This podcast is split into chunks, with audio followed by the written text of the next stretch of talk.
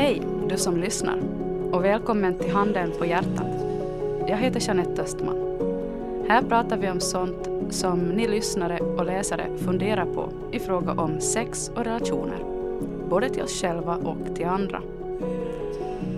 Idag ska vi prata om känslan av att ha glidit ifrån vår partner.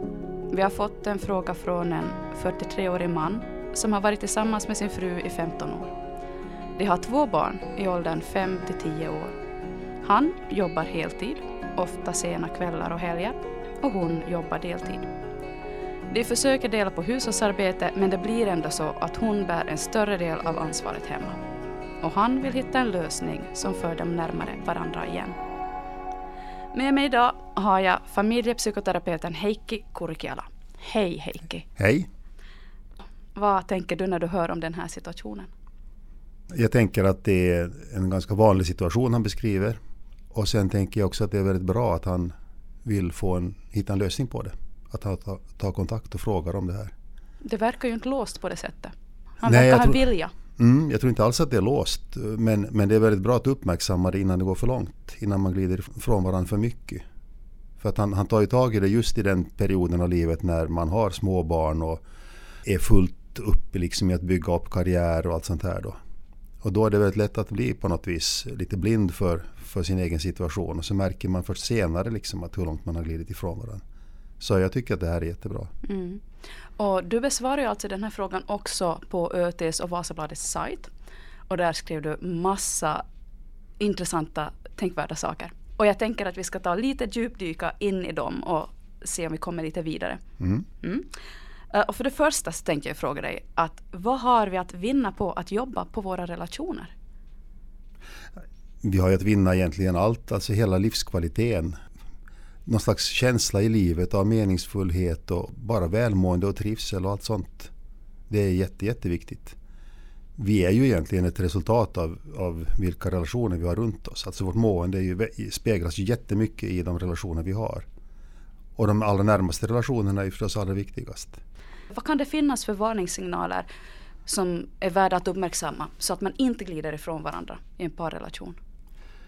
Jag tänker på, på en själv så tänker jag kanske att när man börjar känna att man inte vill ta upp saker för att man tror att det blir jobbigt eller sådär. Då börjar det vara en varningssignal. För då blir det istället att man bär på någon slags missnöje och, och sådana här saker. Och det har en tendens att småningom gröpa ur mer och mer. Eller, eller så blir det som en tryckkokare, att det växer någonting. Det blir någon slags tryck som inte kommer ut. Utan att, att det här liksom vardagliga delgivandet av hur man känner och mår och så här. Det tycker jag är jätteviktigt.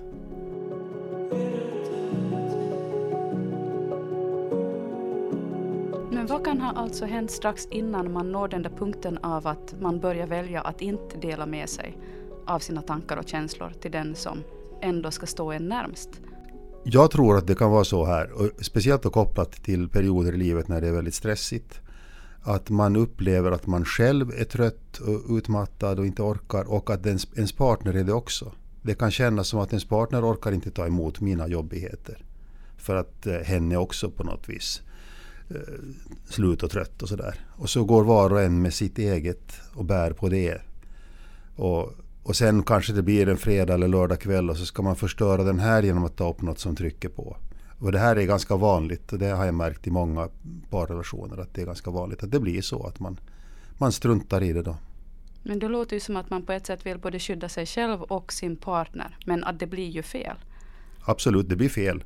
Och det här att sopa under mattan så det är ju som här bild som metafor som jätteofta används i de här sammanhangen. Och det blir så att man, det blir så stor knöl på mattan som man snubblar på den hela tiden till slut. Men visst är det ju en själv man skyddar mycket. Man vill inte heller ta emot ens partners känslor kanske för vad det, vilka känslor det väcker hos en själv. Och då skyddar man sig själv genom att vara tyst. Men tystnad i en parrelation leder ju till att man glider ifrån varandra.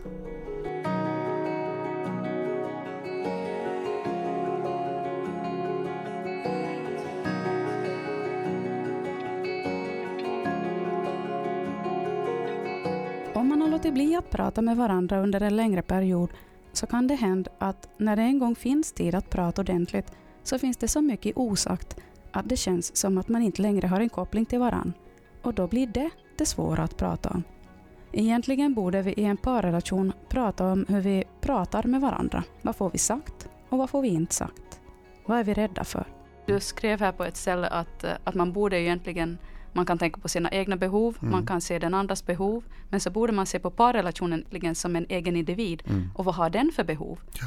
Men, men då tänker jag så här som småbarnsförälder med mm. en parrelation att hur ska man mäkta med att ta i beaktande ännu någons behov, det vill säga parrelationens behov. Mm. Om det redan är fullt upp med huset, hemmet, mm. barnen, mm. eh, jobbet. Mm. För du sa att det ska inte bli en till prestation, Nej. den parrelationen. Nej, det är viktigt att liksom, livet är inte fullt av prestationer utan det är någon slags, det ska ju levas. Men, men det är viktigt att komma ihåg att, att hela familjen bygger på parrelationen. Och det bästa man kan göra för sina barn är att ha en bra parrelation. Det är, de, det är det som får barnen att må bäst. Så det är ju nog väldigt liksom olyckligt om det blir bortglömt på något vis. Att nu, nu kör vi det här racet och skjutsar ungar hit och dit och sköter jobbet och stressar och pratar inte med varandra för det hinner vi inte. Det kanske vi gör någon gång senare sen om 20 år när de har flyttat bort. Men vad har vi om 20 år då? Ja, det, det, det är nog viktigt att komma ihåg att för, också för barnen, för barnens bästa så är ett välfungerande parförhållande absolut A och O på något vis. Vad skulle du ge för, för tips till den här personen? 40 plus, mm. man, fru, barn. Glidit ifrån varandra, vill mm. komma närmare. Mm. Vad kan han göra? Eller de göra? De kan försöka öppna upp att prata med varandra. Och, att hitta, och, och inte bara prata, jag vill också betona det att ett, ett parförhållande består ju av, av fysisk närhet. Och det är också många som glömmer bort det och tappar bort det. Att det, man slutar kramas och pussas helt och hållet i vardagen. Och, och en del har jättesvårt att närma sig också fysiskt varandra. Sex kan bli någonting som i princip försvinner helt och hållet i någon period och så. Och det är också viktigt, alltså, det är ett sätt att kommunicera i en parrelation som, som parrelationer ofta har börjat med. Mycket fysisk kontakt. Och det är viktig, ett viktigt sätt att kommunicera. Det är inte alltid bara prat man behöver. Utan man behöver också kanske sitta och, och känna varandras närhet. Det i sig är någonting som bondar människor starkt. Så att, men, men eh, det är klart att öppna upp för att prata är jätteviktigt. Och en del tar ju hjälp då av, av eh, att gå någonstans, prata med någon utomstående som hjälper dem att öppna upp det här. Det kan vara lättare när någon utomstående är närvarande att lyfta upp en del saker och sen så efter det så kanske de själv blir mer självgående så att säga. Då. Men varför är det enklare att just lyfta upp eh, intima privata saker som man har mellan sig och sin partner med en tredje sakkunnig person där närvarande? Vad är det som händer där? Ja, för det första så är det kanske inte alltid lättare. Men eh, speciellt så upplever många män det som väldigt svårt att komma och prata med någon utomstående. Men det som händer när man har en utomstående med, det är att man har en moderator som hjälper en att kommunicera. Alltså någon som också kan förmedla liksom, du menar alltså så här, när de missuppfattar varandra eller så här då. Och sen att det inte blir, om en del har mera så här tendens att det blir lite explosivt. Att man börjar gräla och kanske säga lite fula ord till varandra och sådana här saker. Så där, där lägger ju en utomstående person nog någon slags litet sån här lugn över det här. Att, att kommunikationen blir mer konstruktiv. Många upplever ju det att, att, det som, att det var fint att sitta en och en halv timme och prata om sånt som de inte kan prata om när de är på tumman hand. För att det alltid blir ett mönster som upprepas. Men finns det inte en risk då också att det samtalet så blir onaturligt på så sätt att alla visar upp sin bästa sida? Att det inte reflekterar det riktiga samtalet som paret kanske har hemma? Jo, och det är också någonting som är bra i det. att, man, att man skärper sig lite. Men, men visst, och sen är det förstås det att, att om någon har gått hos mig, något par har gått hos mig en längre tid, flera gånger till exempel, så är det klart att då blir det ju mer och mer, eller ska vi säga mindre och mindre fernissa. Men, men jag upplever nog att det kanske är det de behöver, alltså någon, någonting som gör att de skärper sig lite. Så då kanske man kan komma till vad är det du vill säga på riktigt?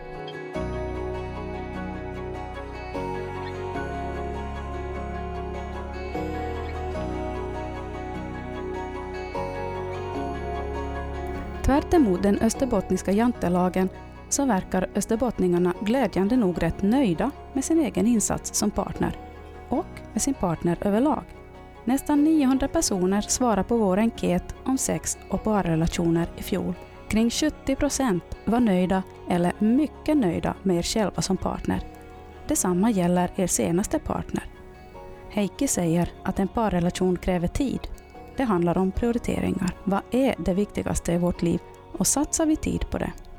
Och det här är ju någonting som man måste stanna upp vid ibland i olika skeden av livet. Man, liksom, man har ju olika livsfaser beroende på till exempel ens barns ålder om man har barn. Då, när de, hur gamla de är och när de flyttar hemifrån när man blir äldre och alla sådana här saker. Äldre föräldrar som behöver omvårdnad och sånt. Säkert hamnar man många gånger i livet att fundera på vad som är viktigt just nu. Vad prioriterar jag? Och vart är jag på väg? Vart är vi på väg? Allt sånt är nog jätteviktigt att fundera på.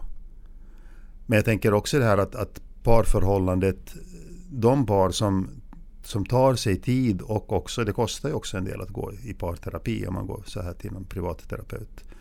Att det är också en investering på något vis i relationen. Och det kan ibland vara lite så här också symboliskt betydelsefullt. Att nu satsar vi det här. Det, här, det är inte gratis. Vi går, vi jobbar på det här. Vi tycker det är värt om man har ett sånt här dilemma så kan det vara bra att påminna sig själv om varför man har valt sin partner och, och varför man har velat bygga upp sitt liv tillsammans. Den frågan så kan ju i något skede egentligen bottna i frågan att vill jag fortfarande? Det kan ju vara en väldigt tung fråga. Men kan man på något plan också svänga det till att det är en möjliggörande fråga? Att det kan vara en lättnad att våga ställa sig den frågan? Mm. Jo, absolut det, det, kan vara en tung fråga, och det kan vara en, men det kan också vara en nödvändig fråga för att på något vis bestämma sig för att det här är viktigt för mig. Det är det här jag vill satsa på. Jag vill fortsätta med det här. Om det känns att man på något vis glider ifrån varandra och inte har så mycket gemensamt och så. Så då finns ju den möjligheten att man bara fortsätter låta det vara så och då glider man ifrån varandra. Kanske så långt att det är svårt att reparera. Eller sen vågar man ställa sig den här frågan. Varför började vi vara typ tillsammans för 15 år sedan? Vad var det vi såg? Vad var det vi ville? Vad kände jag? Vad kände vi för varandra? Och så vidare. Så att eh, det är nog viktigt att... Det är en viktig fråga. Men sen tänker jag också att vi kan ju vara väldigt olika. En person är kanske bra på att uh, stjäla till sig så kallad vårtid och, och ladda vi-batteriet vet du, med att kramas mm. i tvättstugan i fem minuter. Medan en annan person kanske behöver mycket mera tid mm. och lugn innan det här batteriet börjar laddas. Hur ska man tänka där? Mm. Det är en bra fråga. Det, det är också en individuellt, man har också ett individuellt ansvar var för att, att se till att man sköter om sig själv och, och liksom sina egna behov. Det kan ju inte vara så att partners behov ska vara mina behov eller partners behov av hur jag är ska få uppfyllas på det sättet. Så det där, det där är väl en sak som jag menar, om man bryr sig om varandra och tycker om varandra och ser varandra i en parrelation så förstår man ju att man är olika. Och vi är olika, du behöver mera tid eller mindre tid än jag och så vidare. Men det, det, det, är ju också så här att en del som kommer i till exempel i parterapi som har glidit ifrån varandra eller funderar på det här. Vad har vi känt och varför är vi tillsammans och sådär. Så de gör det för att de vill separera. Det finns också de som har det som målsättning. Att de vill separera på ett bra sätt? På ett bra eller? sätt. De behöver hjälp. Eller, eller, att de behöver hjälp. Här kan de behöva också en utomstående som ett slags stöd att ens våga säga det eller ta upp det. Det har jag också varit med om. Och det här är också ett, förstås ett väldigt tydligt tecken på att kommunikationen inte har funkat. Att man har tappat kommunikationen på vägen så mycket att man inte kan säga till sin partner att man vill separera. Utan att det finns en utomstående med. För det är ju inte heller så, alla gånger kanske så trevligt att utsätta en partner för att det är hos en utomstående part som man hör vad man... Det är det först då man vågar berätta vad man känner och tänker. Det är ju inte så trevligt.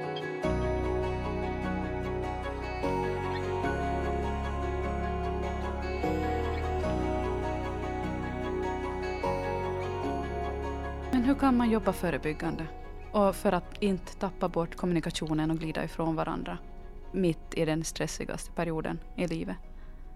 Jag tycker man måste vara medveten om problemet eller utmaningarna. Så man måste vara medveten om att nu är vi i den här situationen. Prata om det. Tänk vad vi har det stressigt nu. Oj, vad det är mycket skjutsande med barnen. Och, och vi hinner nästan aldrig prata. Att, hur ska vi göra? Sätta ord på den situation man har. Men om man då är olika, att den ena mm. upplever det här är ett problem mm. medan den andra inte upplever att det här är ett problem. Mm.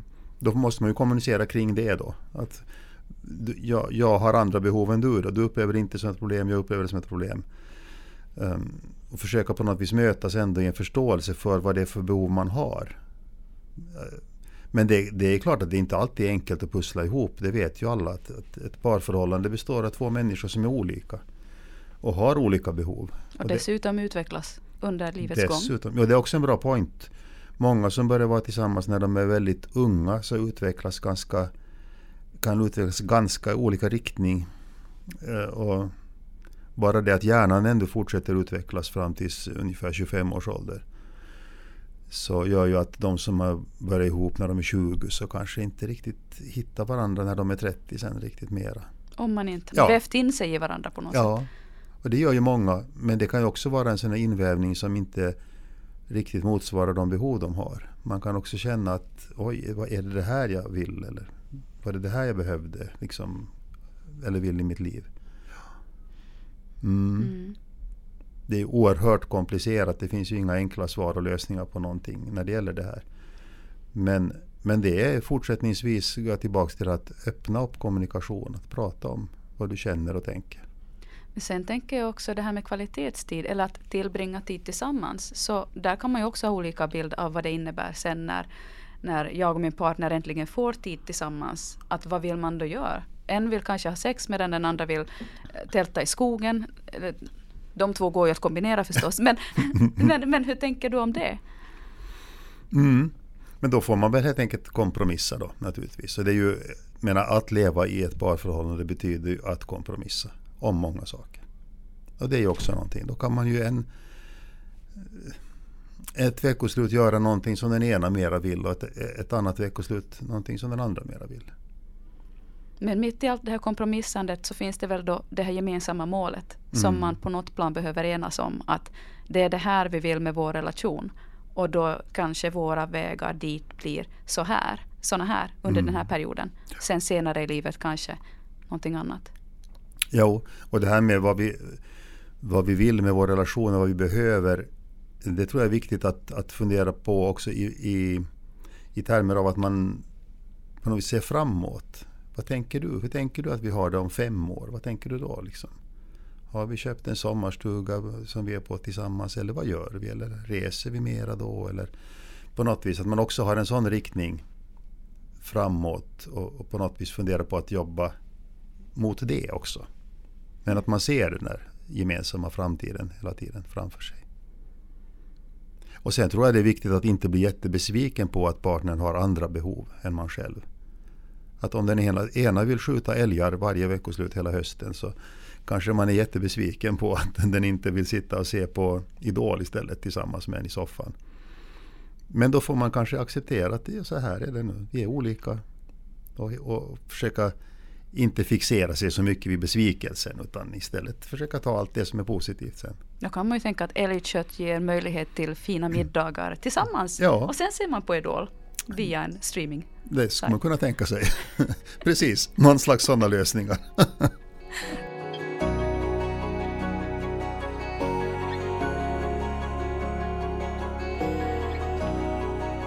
Heikki pratar om betydelsen av fysisk beröring men om vi har glidit ifrån varann så kan det vara svårt att närma sig, också på det fysiska planet. Hur hittar vi tillbaka till den fysiska beröringen om vi har tappat den på vägen? Jag tror det finns många vägar och alla vägar passar inte alla. Eh, en del behöver vägen via prat och via en känsla att vi lyssnar på varandra, att man kommunicerar sig fram till att kunna vara beredd på att ta emot fysisk beröring. Och generellt sett verkar det vara som lite oftare så för kvinnor. Så generellt sett. Um, men sen finns det den här andra, att man helt enkelt börjar, börjar med den fysiska kontakten. Att eh, röra vid varandra, sitta liksom fast i varandra i en soffa eller kanske hålla handen. Och så. Och den vägen komma sen närmare. Men det är väldigt känsligt det här med fysisk beröring också för en del. Uh, och jag har träffat par som har kommit så långt ifrån varandra så att de har upplevt obehag att röra vid varandra. Att bara nudda vid den andra så känns obehagligt på något vis. Vad handlar det om? Ja, då handlar det om att man har kommit väldigt, väldigt långt ifrån varandra. Och det här liksom hela ömhets... Allting som har med ömhet att göra så kopplas på något vis negativt. Någon Det kan- bitterhet, eller? Kan vara bitterhet, det kan vara besvikelser, stora besvikelser på något vis på, på livet, hur det blev och sådär. Att man har liksom inte kunnat kommunicera alls på vägen fram och det har gått väldigt långt. Så att sånt har jag, sånt har jag stött på. Och, par som inte har haft sex på många, många år till exempel. och så. Och då har man ju inte tagit hand om det som är parförhållandets eh, kärna ändå. Det måste, som jag upplever det så nu är ju fysisk beröring och kontakt och, och sex och så här, det är ju som på något vis det som det i grunden har byggt på.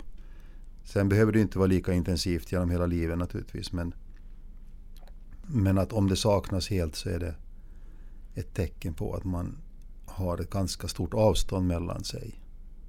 Och där kan man behöva eh, hjälp. Ibland kan det finnas till och med sådana här, eller kan man använda sig av övningar som lär en att närma sig varandra, till exempel sexuellt. Och det finns sådana här olika övningar som gör att man småningom sen kanske ska känna sig bekväm i att, att ha sex tillsammans. Till exempel.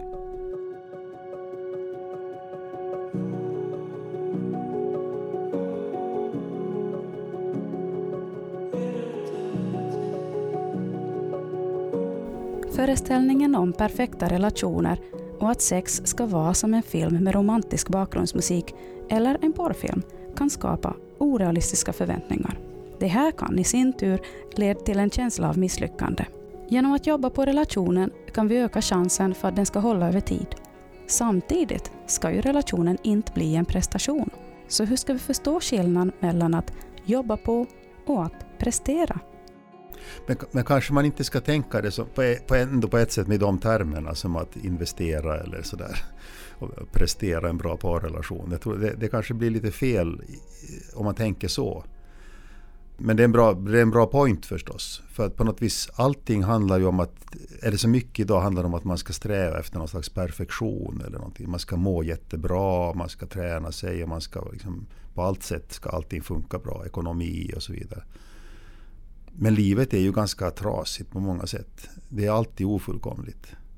Och det får ju också parförhållandet vara. Men kanske den här att om man tillsammans kan dela livets trasighet, det är väl lite det då. liksom som det här Gråta tillsammans. Ja, sen när kommunikationen strävar efter att man ska kunna på något vis också visa sina svagheter och få vara den man är. Men bara man liksom gör det tillsammans.